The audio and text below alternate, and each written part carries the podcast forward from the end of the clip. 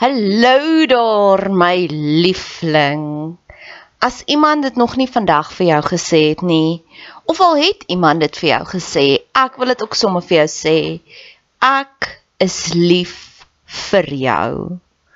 God is lief vir jou. Die feit dat jy hierdie pot gooi luister, beteken dit God het groot planne vir jou en hy wil hê jy moet verder dink en groter dink. Hy is lief vir jou. Jou Skepper, die een wat jou gemaak het, die een wat jou die mees intiemste ken, hoor jou skree die Harry daar saam om saam te stem. Hulle sê ja. Hy is lief vir jou. As jy so 'n bietjie love deprived is, bid ek vir jou dat God oomblik tot oomblik vir jou wys hoe lief is hy vir jou. Dis hoekom al die van of al die briewe begin met soveel joy in die Bybel, nê? Nee? Gaan lees bietjie daardeur. Um Johannes skryf, ek hoop dat jou siel 'n skat ryk. Judas skryf, is nou Judas wat hy skryf, liefde is op pad. En ek dink is ook Judas wat praat van mag alles binne in jou jubel van blydskap want God is so amazing. En weet jy hoekom skryf hulle dit? Want hulle het dit ervaar en dit is soos daai liedjie I can't keep keep it in I have to get it out. En dis my seëning vir jou. Al hierdie verhoogde emosies wat ek ervaar, mag jy dit ook ervaar want ek weet hoe voel dit om daaronder te wees en dood te wees binnekant maar ek weet ook hoe voel dit om te vlieg soos 'n arend. Mag jy dit vandag ervaar. Dankie dat jy tyd spandeer op my kanaal. Dankie dat jy jou kosbare tyd investeer. Maak kontak. Ek love dit om van julle te hoor. Niks gee vir my soveel joy soos om te sê 'n boodskap neem. Ek is op al die platforms, Instagram, Facebook. Stuur vir my 'n Facebook boodskap, Bet Seber en ek stuur sommer vir jou my selfoonnommer. Laastens, as jy wil betrokke raak, asseblief doen. Ek het altyd hulp nodig. Hulp nodig aan bemarking, hulp nodig as jy van jou tyd wil investeer in koninkrykswerk. Jy hoef nie net pannekoeke te bak by die kerk bazaar om koninkrykswerk te doen. Jy hoef nie net soos jy Jehovah getuies gaan klop aan deur om te sê wil jy deel word nie. Daar's soveel meer maniere. Geniet die podcast. Dis 3 minute. As jy as jy dit een keer geluister het en jy wil dit elke keer forward, ek gaan jou eer 3 minute. So hierdie is my gebed vir beledigings, vir kommentaar, vir ongevraagde kommentaar. En vir oggend weer eens voel dit vir my when all the stars align. Ek het 3 weke terug het ek besef ek wil bietjie werk aan my kommunikasie en ek het Rob Bell se teachings gekyk oor wat op YouTube is van Gorilla Theater en Prophets Poets en ek weet nie preachers dink ek. En sy finale video was oor beledigings. Hoe internaliseer jy dit? Hoe verkry jy dit uit jou stelsel uit? Hoe gee jy nie vir dit vat trap plek nie?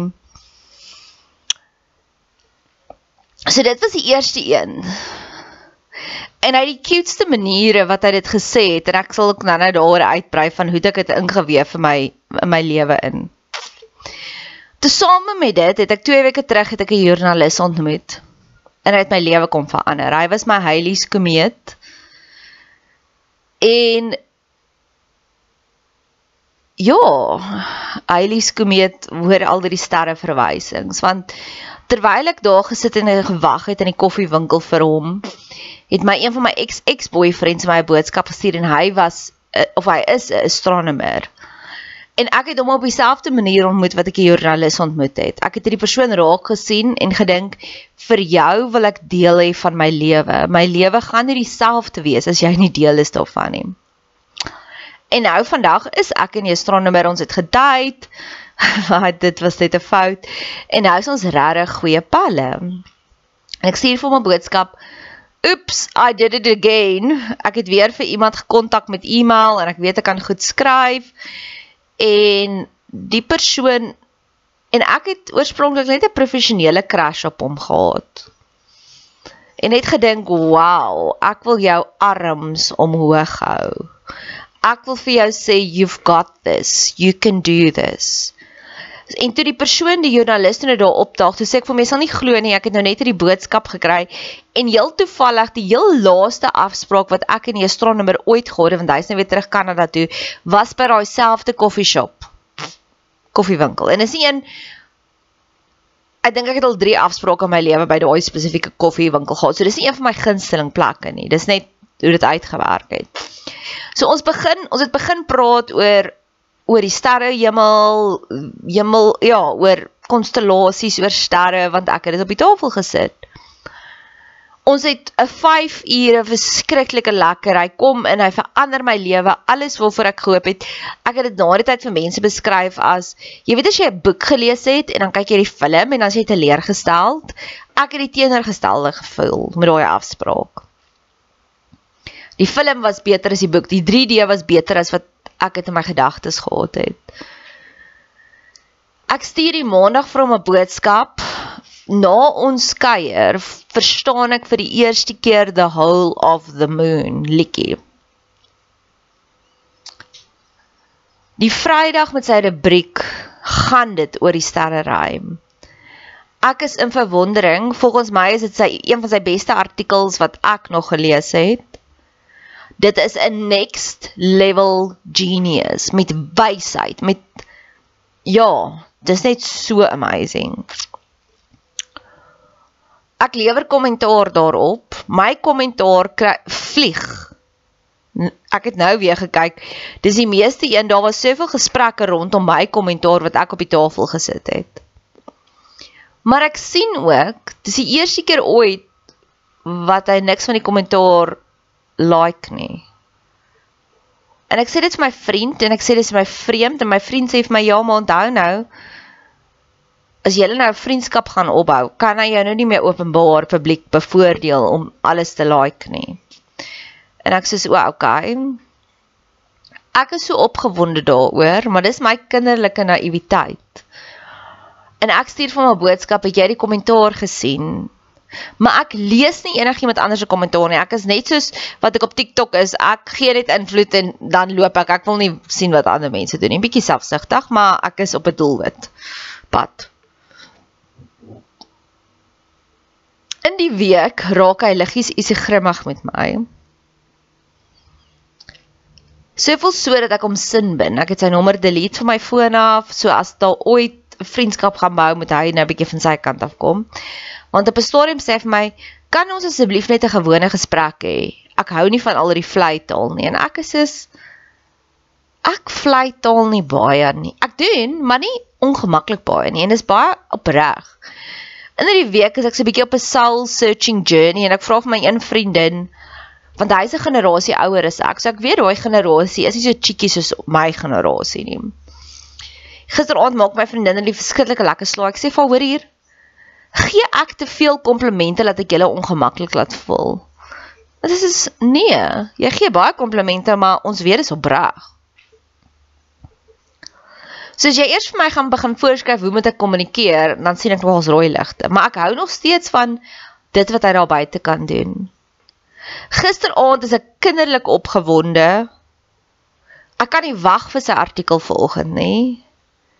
Vanoggend is sy artikel begin dit gegeewe al die negatiewe kritiek wat ek gekry het oor verlede week se artikel en hy het niks uit geen input gegee nie. Hy het drie ander mense gevra, gee vir my julle input. Ek het nie eers die artikel klaar gelees nie. Want sy stem is versmoor deur kritiek.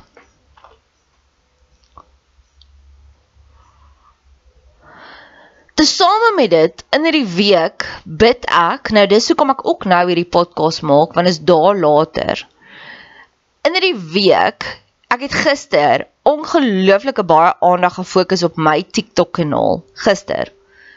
Toe ek eventually gaan kyk het wat gaan aan op my TikTok kanaal. Toe sien ek ek het twee platforms. Ek het twee kanale. Ek het twee rekeninge daar, Afrikaans en 'n Engelse een. Beide van hulle het viral gegaan in die week nog voordat ek daarvoor gebid het. En dis een van my ander gunsteling lesse, gebede kan terugwerk.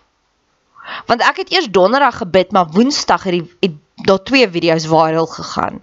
Twee, drie eintlik. Twee op die Engelse kanaal, een op die Afrikaanse kanaal.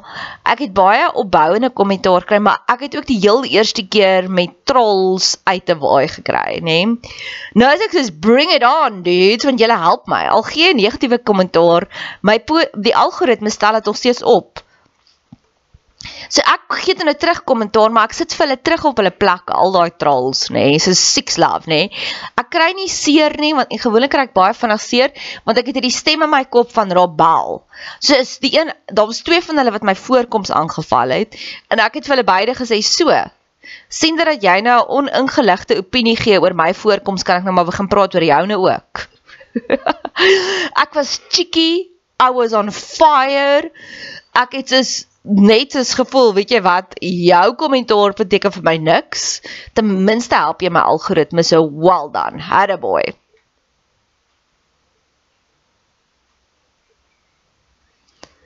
In vanoggend lees ek sy artikel.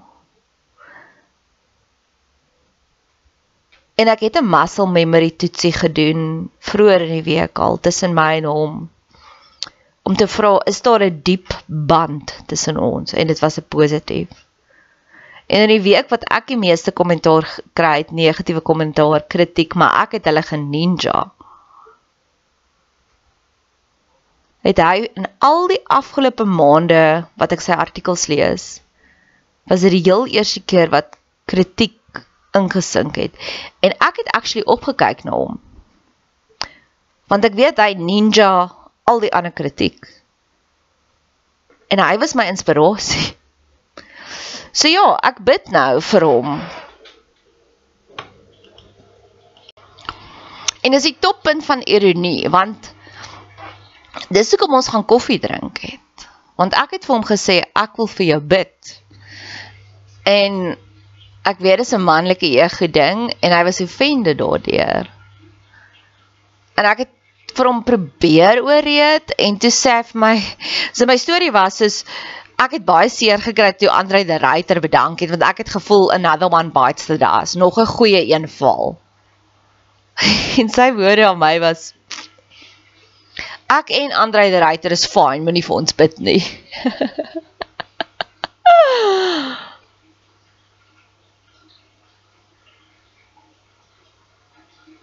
Ek weet dit vat 7 komplimente om een belediging te neutraliseer. So dis wat ek bid vir hom en vir my. 7 komplimente om een belediging te neutraliseer. Dit vat 20 ondervindings om een traumatiese funksie uit te neutraliseer. So hy duidelik trauma en mag hy 20 meer positiewe ondervindings kry want dis hoe die grond reggemaak word. Dan gaan die grond reggemaak word dat ek en hy weer kan align. Want ek weet hierdie is groot.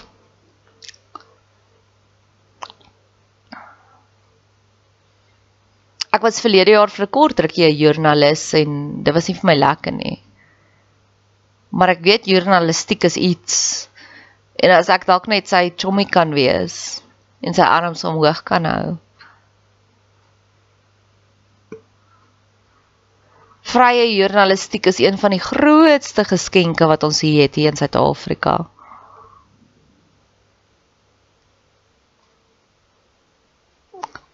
So ja, dis my gebed vir hom. 'n paar maande terug het ek hierdie insident gehad op my rekenaar. Ek het 'n video probeer maak, 'n Joe Dispenza video, en toe gooi hy hom uit op die videos media player en hy sê daarso error code OX80070002. En ek sê, "Here, vir elke insident en probleem in my lewe wil ek ook so error code. Ek wil verstaan why do things go belly up? Want as jy dinge verstaan, dan weet jy waarvoor om te bid. Dan weet jy hoe om die probleem te ontwortel. Dan weet jy hoe om te veg hierteen. En ek besef nou hierdie week het ek hom ook reg gekry. Want die dinamiek en die energie tussen my en hom het heeltemal verander hierdie week maar ek verstaan ook hoekom. En dalk is dit waar stukkie vir stukkie genesing gaan inkom. En dalk is dit die gift wat ek het om vir hom te gee. Daai stukkie vir stukkie genesing om te bid teen die kritiek.